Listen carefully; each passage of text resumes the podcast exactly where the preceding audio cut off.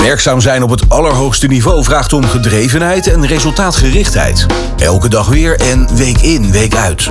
Als overtuigende CEO in het bedrijfsleven, doelgerichte wetenschapper of betrouwbare politicus vervul je een sleutelrol binnen onze samenleving. Je wordt afgerekend op resultaten. Cool en zakelijk. Maar wie zijn deze key players? Wat drijft hen? Wat doen ze in hun vrije tijd en hoe gaan ze om met de druk van hun publieke functie? Dit is Omnitalks. Welkom bij het vijfde seizoen van de serie Omni Talks. Dit seizoen noemen we het duurzaamheidsdenkers. We praten met mensen die aan de basis staan van het duurzaamheidsbeleid van de komende jaren. Vandaag doe ik dat samen met Sjaak Bettenheim, Director Public Affairs bij Omnicom PR Group. Deze eerste aflevering is opgenomen in de Haagse Kluis tegenover het Binnenhof in Den Haag. We praten met Suzanne Kreuger. Ze woonde jarenlang in Indonesië waar ze werkte aan milieu- en sociale projecten. En van 2006 tot 2016 werkte ze voor Greenpeace aan het verduurzamen van internationale handel en de bescherming van biodiversiteit en het klimaat. Sinds 2017 is ze met een korte onderbreking woordvoerder voor onder meer klimaat en energie van GroenLinks in de Tweede Kamer. En bij de verkiezingen in november 2023 is ze kandidaat voor GroenLinks PvdA. Dit is Omnitalks op Nieuw Business Radio. Van harte welkom. Ja, leuk dat je er bent, Suzanne. En, Ja. ehm, eh, we hebben afgesproken dat we je en jij tegen elkaar zeggen. Zeker. Dat vond je akkoord, dus daar gaan we mee door. Ik heb ehm, begrepen dat jij iets hebt met het getal 7. Want je was bij de vorige verkiezingen kandidaat op de zevende plek. Alleen dat heeft jou net niet datgene gebracht wat je had Nee. gehoopt. Want je werd overtoept door twee kandidaten. Ja, toen viel gewoon de uitslag eh, natuurlijk heel erg tegen. En toen eh, ja, zijn er twee mensen met voorkeurstemmen ingekomen. En heb ik eh, een half jaar op de bank gezeten. Niet de letterlijke bank, maar hoe zeg je dat? In de pauzestand. En toen was het eigenlijk net dat ik dacht, nou, nieuwe plannen maken. En toen nou, ja, Maakte iemand doorzetten. plaats en toen kwam je alsnog Ja. in de Kamer. Ja. Ehm, heb je ditmaal een steviger persoonlijke campagne gevoerd? Ehm, nee, ik heb denk ik gewoon eh, stevig me ingezet voor eh, de belangrijkste dingen waar we als GroenLinks en PvdA voor staan. Klimaatrechtvaardigheid. En eh, ik ben heel blij met plek 7. Ja, dat zal in dit geval, mag je toch eh, ervan uitgaan, niet echt tot problemen leiden. Gelet op de peilingen. Maar daar gaan we natuurlijk nog naar kijken. Ja, altijd wachten tot de kiezer heeft gesproken met alles. Met alles en dus ook hiermee. In Omnitalks belichten we net even de andere kant van prominente vakmensen. Hoe? Door onze gasten te vragen naar drie van hun meest bijzondere tekst- of audiofragmenten waar ze inspiratie uit halen. Omnitalks. Fragment 1. De eerste is een geluidsfragment. Je hebt gekozen voor een liedje ehm, dat Sophie Straat in 2021 heeft opgenomen met Goldband, Tweede Kamer. Heel toepasselijk.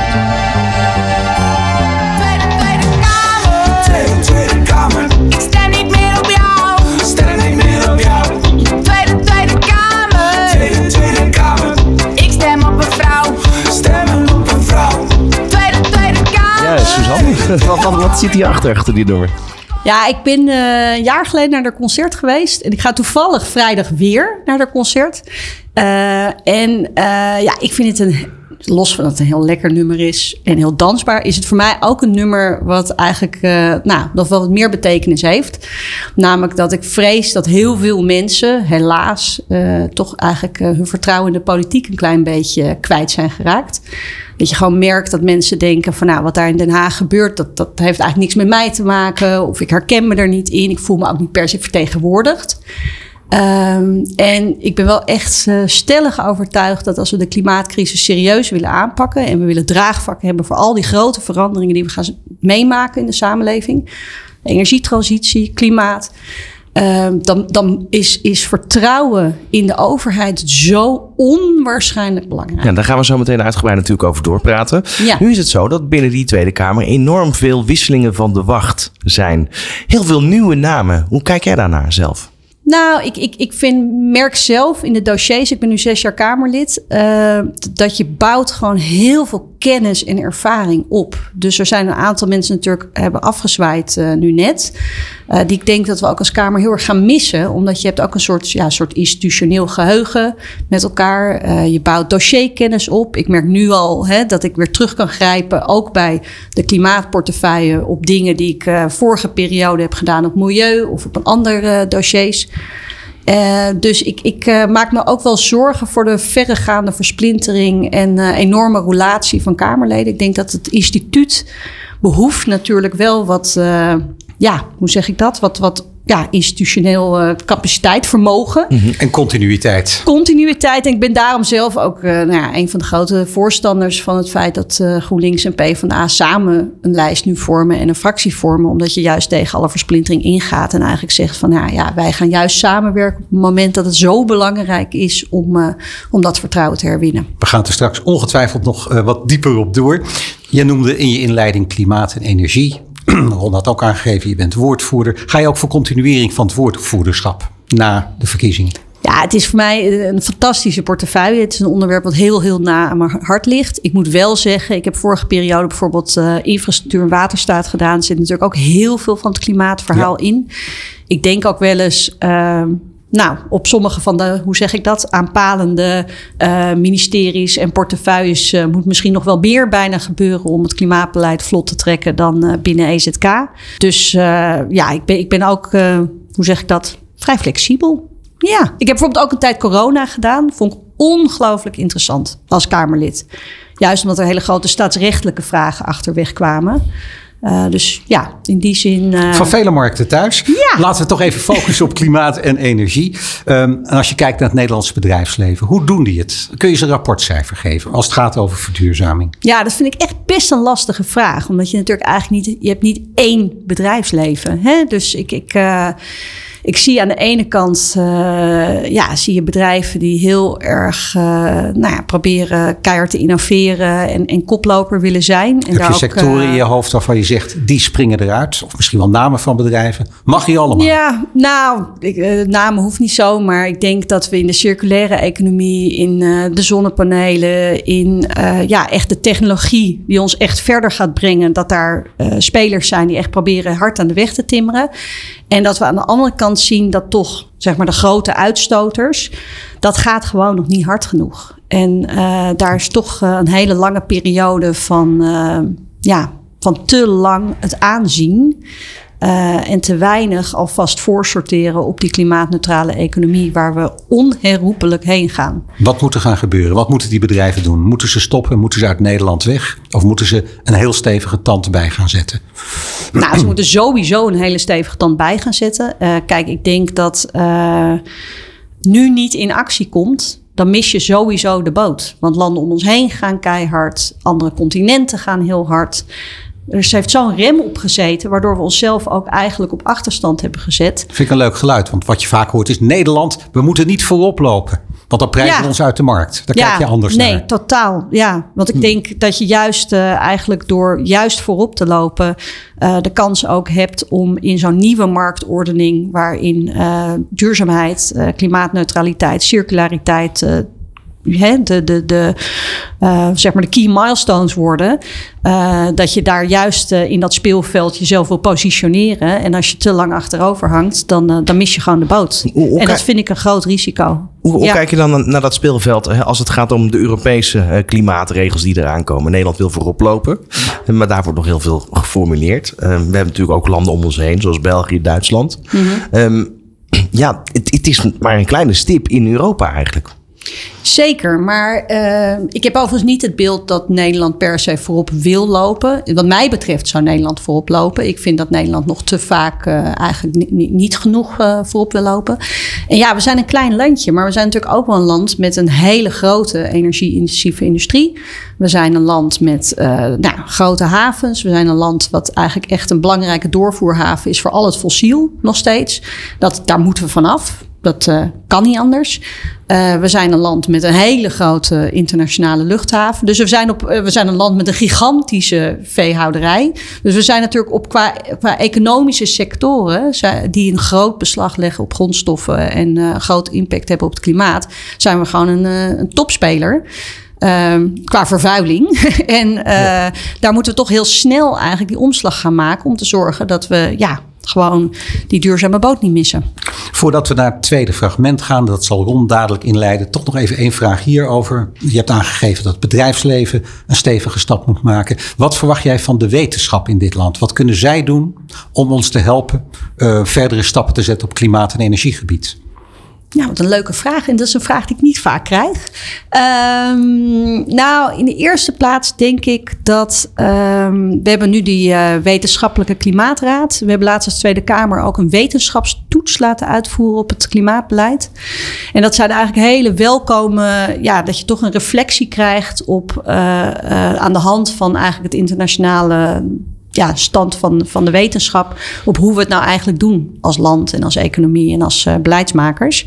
Dus dat vind ik een rol van de wetenschap. En daarnaast natuurlijk gewoon, ja, we hebben geweldige top innovatieve eh, instituten in Nederland.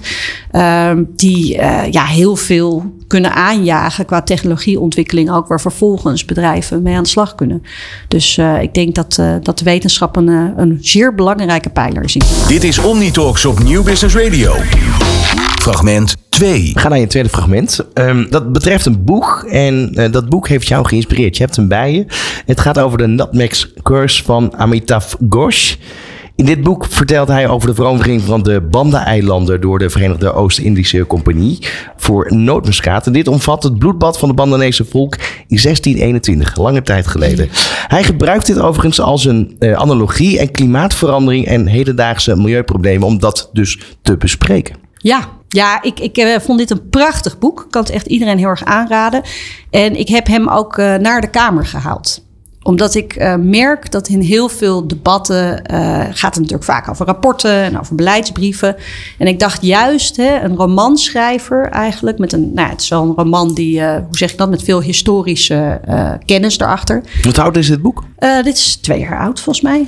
Het ziet er een beetje af. Ja, ik kan het net zeggen. Het ziet er heel, heel oud uit. Dus ik heb het heel grondig gelezen. Hij valt een beetje uit elkaar, mijn exemplaar. Ehm, nee, maar het is, een, het is een boek eh, wat inderdaad aan de hand van zo'n historische parabel eigenlijk eh, schetst hoe ehm, ja, ook in het internationale klimaat wij op dit moment zo'n gigantisch beslag leggen eigenlijk op grondstoffen wereldwijd, maar ook op de koolstofruimte die er nog is om je aan de anderhalve graad te kunnen houden. Ehm, dat dat eh, ja, ongelooflijke internationale onrechtvaardigheid met zich meebrengt. En je ziet een analogie, een parallel met wat de VOC in de 17e eeuw deed in ons toenmalig Indië. Nou ja, dat is de parallel die hij zeg maar door het boek heen weeft. Waarbij het eigenlijk gaat over ja, in hoeverre leg je beslag op ruimte en op grondstoffen. eh, ja, waar landen zelf eh, op dat moment geen eh, gebruik van kunnen maken. En ik denk waarom ik het ook. nou ja, hij is in de Kamer geweest. dat was echt een hele bijzondere sessie. Omdat hij natuurlijk een hele andere manier van ja, het is geen, geen beleidsmaker. Dus het is iemand die meer in beelden schetst en, en meer, eh, ja, echt een romanschrijver.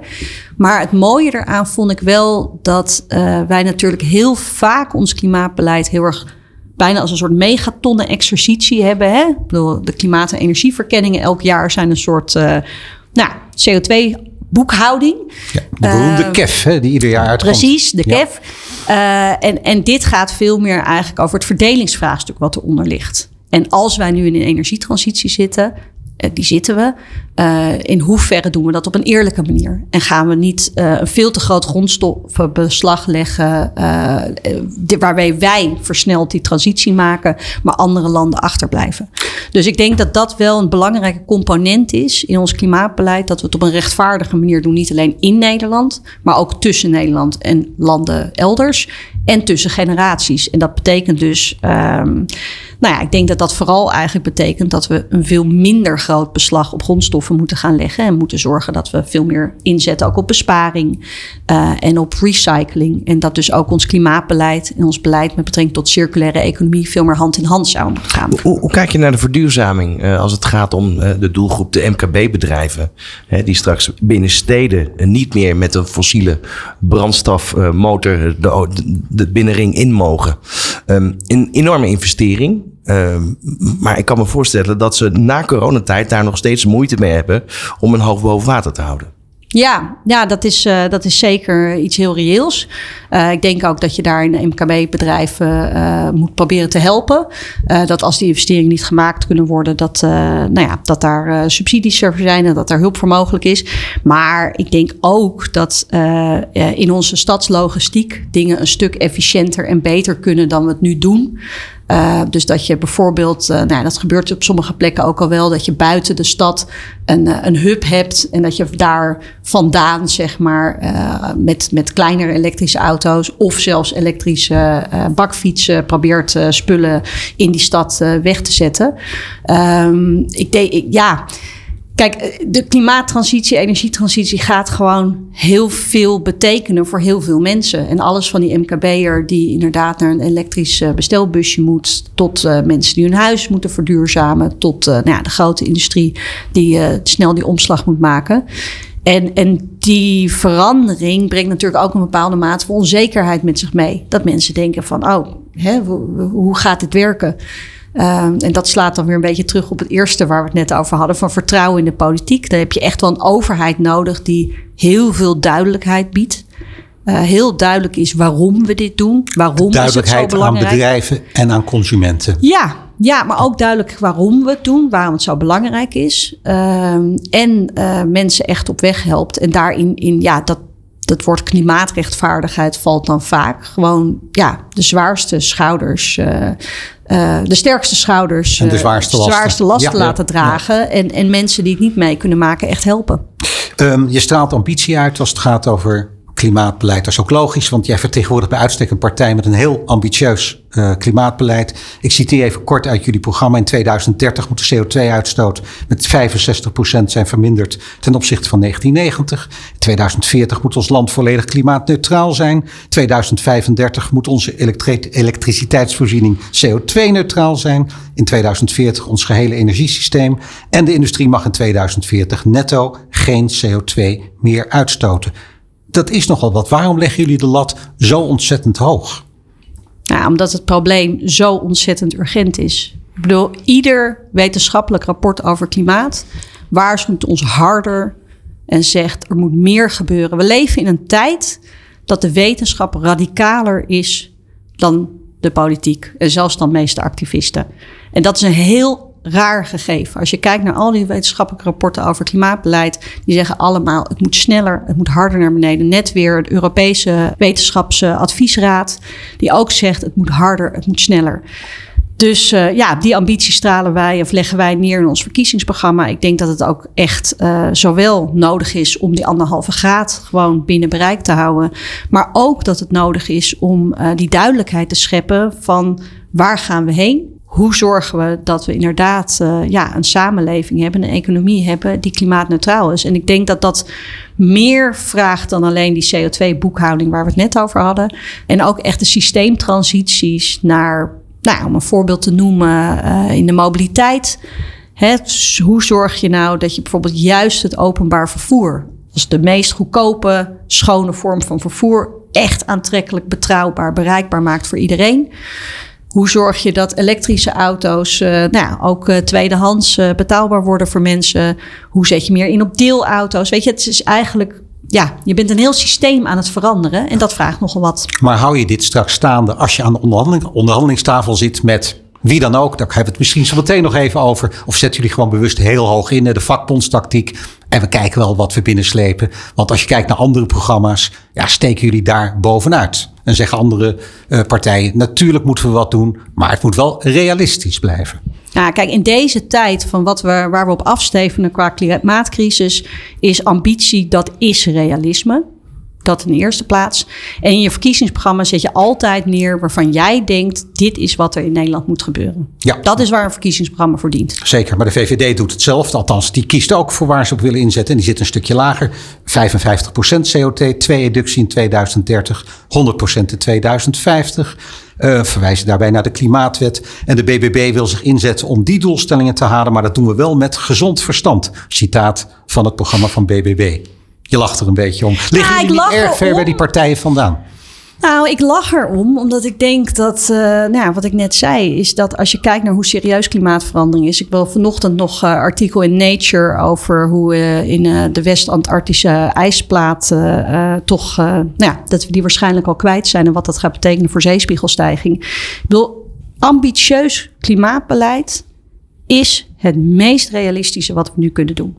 En het meest gezond verstand wat we nu kunnen doen. Dus ik, ik Jij ja. houdt de lat hoog. Nu Ja, maar dat- en straks aan de onderhandelingstafel. Nou ja, dat, dat vind ik ook, eh, dat voel ik ook echt als een verplichting aan, eh, nou ja, niet alleen mijn eigen kinderen, eh, maar ook ja, aan toekomstige generaties. Ik bedoel, wij zijn nu die generatie die echt het verschil kunnen maken. En ik vind, nou, dat is ook een boek wat ik mee had kunnen nemen, een prachtig boek, Een goede voorouder. Dat je eigenlijk in je beleid moet je eigenlijk zeg maar zeven generaties vooruit. Hè, van, van wat is wat wij nu neerzetten met elkaar? Wat gaat dat nou doen voor toekomstige generaties? Het CDA wij- zou dat rentmeesterschap Nou. noemen. En omzicht misschien ook. nou, en dat zijn partijen waarvan ik dan denk van ja, dan zou je klimaat echt met stip op nummer één. Hoe gaan we om met de planeet? En laten we een planeet achter eh, eh, voor onze kinderen en kleinkinderen. En doen we het op een eerlijke manier. En ik, ik, ik, dat mijn grote zorg is nu dat we niet genoeg ambitie aan de dag leggen, maar ook dat het niet eerlijk genoeg uitpakt. Sprekend over NSC, omzicht. Als het gaat over de stikstofuitstoot. Zegt die partij 2035 moeten we naar de halvering toe. Ik heb Timmermans al horen zeggen, jaartallen zijn niet heilig. Ook hierin denk ik het allerbelangrijkste is dat we eindelijk die stikstofcrisis aanpakken. En hoeveel tijd hebben we verloren? En eh, ja, we hadden laatst een debat over, eh, over de energietransitie en de impact van de stikstofcrisis daarop. Dat is echt verschrikkelijk. Dat je denkt van ja, alles wat nu in gang moet worden gezet, wat er nu gebouwd moet worden om gewoon de energietransitie vlot te trekken, wordt nu eh, zit vast eigenlijk op stikstofruimte. Dus lijkt mij dat een volgend kabinet dat met heel veel voortvarendheid moet gaan aanpakken. Maar een jaartal hoor ik je niet zeggen.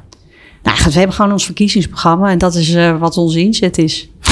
Voordat we naar het volgende fragment gaan, nog één vraag. Kun je je voorstellen dat het bedrijfsleven een kabinet met jouw partij, gecombineerde partij GroenLinks PvdA erin, met angst en beven tegemoet ziet, omdat bedrijven te maken krijgen met in hun ogen volstrekt onhaalbare klimaat- en verduurzamingseisen?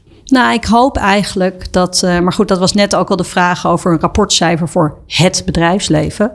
Ik denk dat er gewoon heel veel bedrijven zijn die echt snakken naar eh, een overheid en eh, naar een politiek die heel duidelijk is in waar we op afgaan, in welke economie we op afkoersen eh, en wat er van bedrijven wordt verwacht. En daar ook alles op alles zetten om op dat punt te komen. En eh, ja, er zullen bedrijven zijn die eh, misschien denken van nou, ik wacht nog zo lang mogelijk en ik blijf zo lang mogelijk, hoe zeg ik dat? Eh, achteroverleunen. Eh, en die zullen eh, ja, ambitie problematisch vinden. Maar dat zijn denk ik ook niet de bedrijven die Waar wij op zitten te wachten Nou ja, als BV die- Nederland? nou, die echt zichzelf onderdeel zien van die klimaatneutrale toekomst. Daar gaat het natuurlijk om. Hè? Als je nu in 2023, bijna 2024, moet je een beeld hebben van hoe pas ik in die klimaatneutrale samenleving.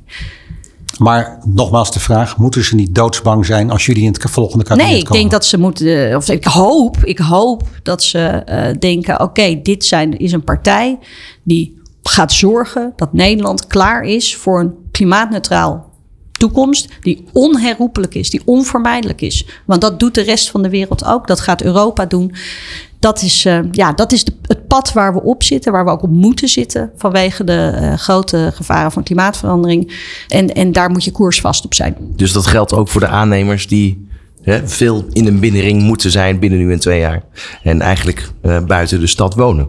Nou ja, wat ik net al zei, is dat ik dan denk dat het belangrijk is dat je daar mensen, bedrijven mee helpt om die transitie te maken. Maar, is die hulp al voldoende aanwezig?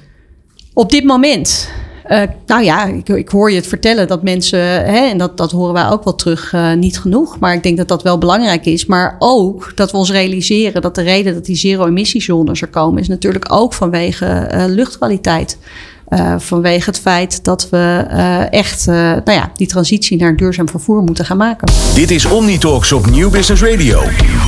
Fragment 3. We gaan naar het derde en het eh, laatste fragment. Hiervoor heb je een motie gekozen die GroenLinks eh, en D66 over fossiele subsidies die jullie onlangs hebben ingediend en die eh, flinke steun kreeg gedaan hebben. Kun je de keuze van het fragment toelichten? Ja, Eh, kijk, eh, de discussie over fossiele subsidies en dat eh, nou, eigenlijk ook wel terugslaand op waar we het net over hadden. Juist eigenlijk ook voor duur- ondernemers die die verduurzaming willen maken, zijn die fossiele subsidies eigenlijk een enorm obstakel. Dat is een ongelijk speelveld op het moment dat jij met een echt duurzaam businessmodel, eh, echt circulair, klimaatneutraal, concurreert met bedrijven die bijvoorbeeld nog steeds heel veel fossiele subsidies, eh, dus fossi- fossiele voordelen genieten. Ehm, dit is een debat wat al heel lang speelt. Ik heb het teruggezocht dat eh, mijn collega toenmalig uh, Liesbeth van Tongeren heeft in 2010 een meldpunt fossiele subsidies gestart. Uh, van nou, hè, meld als u weet van op deze manier worden bedrijven, of, of trouwens niet alleen bedrijven, maar wordt fossiel gestimuleerd. Uh, nou, Jesse Klaver heeft er een aantal moties op ingediend. Ik heb zelf er moties op ingediend. Tom van der Lee.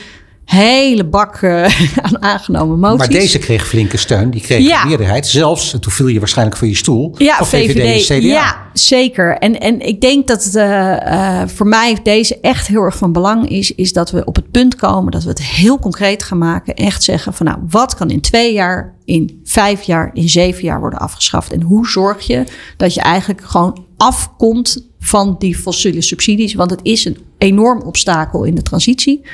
Um, en uh, het is ook niet makkelijk. Hè? Dus dat, dat is natuurlijk uh, mensen die denken van nou, we kunnen ze morgen afschaffen. Dat is best, best complex. Het zijn ook regelingen die op elkaar inwerken. En, uh, nou, dus daarom ben ik heel blij dat deze motie is aangenomen. En hoop ik dat die snel en goed wordt uitgevoerd. En hebben wij eigenlijk om deze motie kracht bij te zetten en te borgen ook een initiatiefwet aangekondigd. Dus wij willen dat er een afbouwpad voor fossiele subsidies vastgelegd wordt in de klimaatwet. Waardoor ook als er over vier jaar een heel ander kabinet zit, niet opeens weer een fossiele prikkel wordt toegevoegd. Omdat je echt moet zorgen dat je nou, stapgewijs gewoon echt van die fossiele subsidies afgaat. Nog even over deze motie. Ik meen dat ik Dirk Boswijk rondom dit debat heb horen zeggen. Ja, we vinden het eigenlijk onzin. Uh, want dit is al afgesproken. Deze motie voegt niks toe. Maar vooruit, ik stem maar voor als CDA. Wat denk jij dan?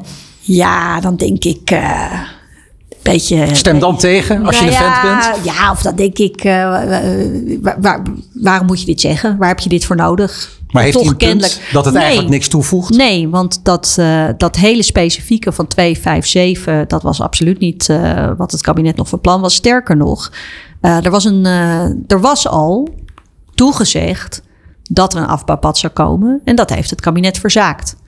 Dus zij hebben bij de miljoenennota alleen maar eigenlijk alle fossiele subsidies in kaart gebracht. Hè. Dat was toen dat moment dat bleek dat het om, uh, nou, wat was het, 44 miljard ging. Ja. Uh, terwijl op dat moment was de afspraak al met de Kamer, nee, we komen met een afbouwpad. Um, dus uh, ja, het is overduidelijk dat op dit onderwerp we er als Kamer bovenop moeten zitten en moeten blijven duwen, want dit gaat echt niet vanzelf. Maar hoe realistisch zijn jullie als het gaat over het afbouwen van die, uh, die voordelen, subsidies, hoe je ze ook wil noemen? Je hebt te maken met internationale verdragen en daar kun je niet zomaar uitstappen. Dus je kunt ambities hebben, maar tegelijkertijd moet je realiseren, dit duurt een tijd. Ja, het is dus eigenlijk, uh, die term fossiele subsidies is natuurlijk een soort vergaarbak voor een hele hoop verschillende type regelingen. Een deel daarvan ligt inderdaad vast in internationale regelgeving, dat klopt. Gaat bijvoorbeeld over uh, um, het verdrag van Montreal met betrekking tot uh, kerosineaccijns.